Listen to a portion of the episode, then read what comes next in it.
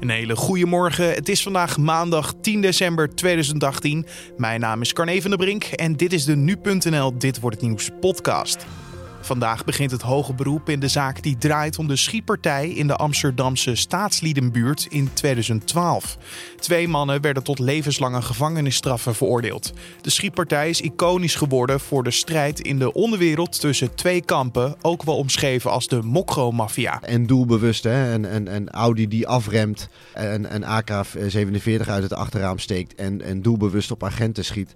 Ja, dat heeft zo'n indruk gemaakt. En als je dan later op, op, op plaats delict uh, honderden hulzen terugvindt, waarvan eentje één kogelinslag in een, uh, in een kinderslaapkamer op een woonboot. Ja, dat, daarom is het zo'n zo schietpartij die gewoon zo kenmerkend is. Daarover straks meer. En wij vieren vandaag het 150-jarig bestaan van het stoplicht. Nemen wij in 2018 verkeerslichten nog wel serieus? Of denken we dat we het zelf prima kunnen inschatten? Je hoort het straks. Maar nu eerst kort het belangrijkste nieuws van nu. Een 24-jarige Nederlandse militair is zaterdagavond op Curaçao bij een uitgaansgelegenheid door bewakingspersoneel aangehouden terwijl hij cocaïne bij zich had. Daarna is hij overgedragen aan opsporingsambtenaren van de Koninklijke Marechaussee. Het gaat om een matroos van het schip de ZRMS Zeeland. Het schip is vorige week op Curaçao aangekomen om drugshandel op zee te bestrijden. De militair wordt teruggestuurd naar Nederland en of hij is ontslagen is nog niet bekend. De Consumentenbond dreigt met een rechtszaak tegen luchtvaartmaatschappij KLM. De organisatie wil dat KLM onmiddellijk stopt met haar no-show-beleid, waarmee ze reizigers onrechtmatig op kosten zou jagen. Als KLM de clausule niet uit haar voorwaarden schrapt, stapt de Consumentenbond naar de rechter. Dat schrijft de Consumentenbond in een brief aan KLM. De Chileense regering heeft een dag voor het tekenen van het VN-migratiepact in Marokko besloten om het akkoord niet te tekenen. Onze positie is helder: migratie is geen recht, zo zegt de onderminister van Binnenlandse Zaken tegen een lokale krant. Volgens de onderminister mogen landen zelf bepalen op welke voorwaarden ze mensen toelaten. Mensenrechtenorganisatie Amnesty International heeft zorgen geuit omdat Chili een van de grote aanjagers van het pact was. Het land zet op deze manier stappen achteruit, zo zegt een directeur van Amnesty Chili. Een 16-jarige jongen is door de Italiaanse politie opgepakt na onderzoek naar het dodelijke incident in een nachtclub in Corinaldo, Italië. Hij zou met pepperspray hebben gespoten, waardoor bezoekers in paniek raakten en er zes mensen om het leven kwamen. Dit meldt de Italiaanse krant La Repubblica. De politie registreert de afkomst van alle werknemers om ervoor te zorgen dat er meer diversiteit komt binnen het politiekorps. Dat zegt Lut Nieuwert, de man die over diversiteit gaat bij de politie in een interview met de Volkskrant. Nieuwert zegt in de krant dat de afkomst van de werknemers zo wordt opgeslagen dat die niet is te herleiden tot personen. De politie wil op deze manier inzicht krijgen in hoe divers het korps is. En dan kijken we naar de dag van vandaag, oftewel dit wordt het nieuws. Vandaag begint het hoge beroep in de zaak die draait om de schietpartij in de Amsterdamse staatsliedenbuurt in 2012. Twee mannen werden tot levenslange gevangenisstraffen veroordeeld voor de dubbele liquidatie, de moordpoging op crimineel Benhoef A en poging doodslag op twee agenten. De schietpartij is iconisch geworden voor de strijd in de onderwereld tussen twee kampen, ook wel omschreven als de Mokro-maffia. Over deze zaak praten we met rechtbankverslaggever Joris Peters. Ja, het, is gewoon het is een schietpartij die gewoon heel veel mensen zich kunnen herinneren, omdat het er in één keer zo'n geweldsexplosie was. Midden in een buurt in Amsterdam, uh, waar gewoon gebruik is gemaakt van Kalashnikovs, uh, zware wapens, waar niet alleen uh, de verdachten, of in ieder geval de slachtoffers zijn beschoten, maar ook gewoon twee motoragenten en doelbewust, hè, en, en, en Audi die afremt, de, een, een AK-47 uit het achterraam steekt en, en doelbewust op agenten schiet. Ja, dat heeft zo'n indruk gemaakt. En als je dan later op, op, op plaats delict honderden hulzen terugvindt, waarvan eentje één kogelinslag in een, uh, in een kinderslaapkamer op een woonboot. Ja, dat, dan, uh, dan weet je wel waar je. Dan, in ieder geval weet je, daarom is het zo'n zo'n schietpartij die gewoon zo kenmerkend is. Ja, ja, en het wordt ook gezien als het begin van een onderwereldoorlog. Ja. Klopt dat? Ja, dat, dat, dat, dat kan je wel zo zeggen. Het heeft, het heeft allemaal uh, te maken met een liquidatie inderdaad, die al eerder heeft plaatsgevonden in Antwerpen. Dat zou weer te maken hebben met een gestolen partij drugs.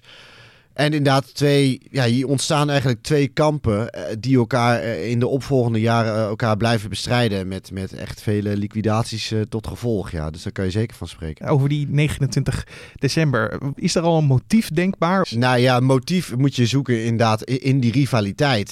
De ene partij schiet een, een, een, één persoon dood. Dat is weer de vriend van een andere grote crimineel.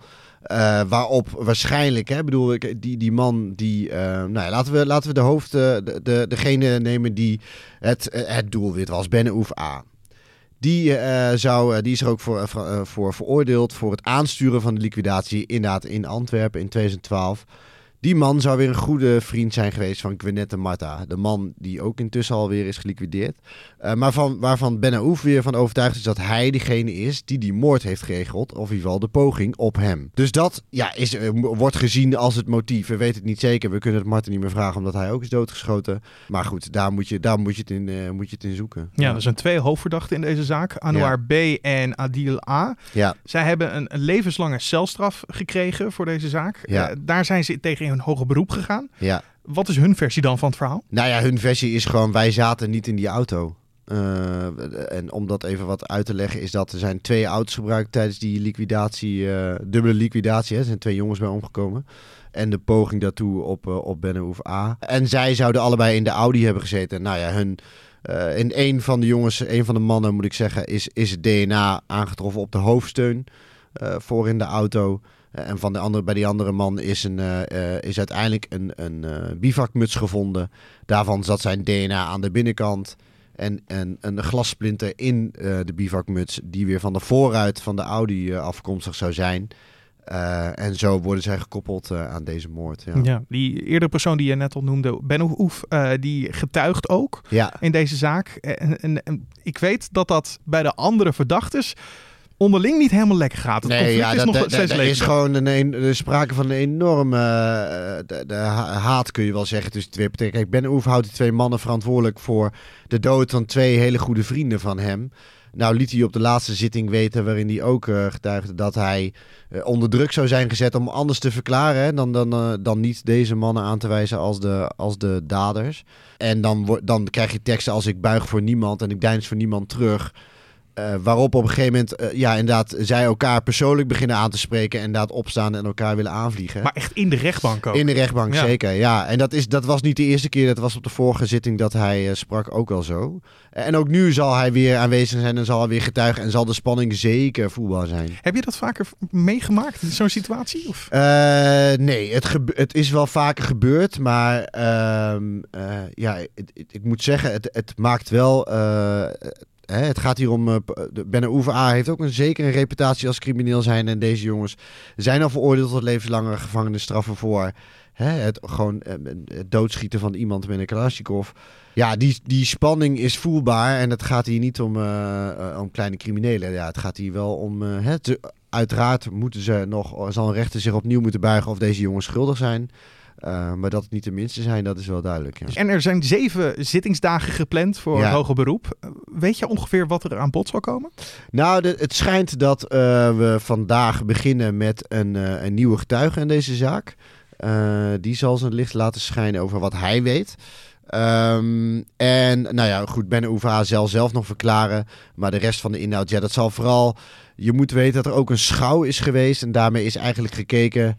Uh, kan Ben Oef A nou wel die man uh, voorin hebben zien zitten in de Audi? Hij zegt, ik heb hem in de ogen aangekeken. Kan dat nou wel op die snelheid? Nou, dat is allemaal weer opnieuw uitgezocht. En dat zal allemaal zeker, uh, zeker worden besproken tijdens deze zittingen. Ja. ja, het is een, misschien nog een beetje een complex verhaal. Maar als je nou meer wil weten, dan kan je jouw reconstructie hierover lezen in de beschrijving. Zeker. Jorde rechtbankverslaggever Joris Peters. En mocht je vandaag de deur uitgaan, moet je even stilstaan bij een bijzonder jubileum. Het allereerste stoplicht werd namelijk 150 jaar geleden geplaatst in Engeland. Leuk feitje, het werd toen aangedreven door gas, stond bij het parlementsgebouw en was bedoeld om parlementsleden veilig te laten oversteken. Nederland kreeg pas haar eerste verkeerslicht in 1928, 60 jaar later. Het is nu 2018 en de grote vraag is natuurlijk: nemen wij verkeerslichten nog wel serieus? Of denken we dat we het zelf prima kunnen inschatten? Dat vroeg ik aan hoogleraar verkeerspsychologie Karel Brookhuis van de Rijksuniversiteit Groningen. Ja, ik denk dat een deel van de bevolking dat, uh, dat zeker doet. Uh, en vooral, vooral het deel wat het niet zo makkelijk vindt om over te steken, vanzelfsprekend. Uh, maar er zijn natuurlijk ook mensen die het wat minder serieus nemen, die zeker denken dat ze dat wel zelf kunnen beoordelen. En dat zal misschien ook wel zo zijn. Alleen ja, het is natuurlijk eigenlijk niet de bedoeling. Ja, want als ik in mijn omgeving kijk en dan zie ik gelijk dat mensen om me heen misschien ongeduldiger zijn geworden. Bijvoorbeeld het doorlopen als het rood is, omdat er toch geen auto's in de buurt zijn. Neemt deze ongeduld steeds meer toe onder voetgangers, denkt u? Het lijkt wel alsof onze maatschappij steeds haastiger wordt natuurlijk. Als je om je heen kijkt en, en, als je dat de afgelopen zeg maar 20, 30 jaar, 40 jaar hebt gedaan, dan lijkt de, de maatschappij meer haast te hebben. Dus misschien om die reden uh, neemt het ongeduld ook wat toe. Aan de andere kant denk ik dat uh, ook vroeger uh, men wel gewoon overstak als het licht rood was en er toch, ja, er kwam geen auto aan. Dus waarom zou je dan stoppen? Dus ik, enerzijds kan het zijn dat men iets ongeduldig is geworden omdat de maatschappij wat haastiger is. Maar aan de andere kant denk ik dat mensen het gewoon zelf beslissen als ze denken dat ze dat kunnen.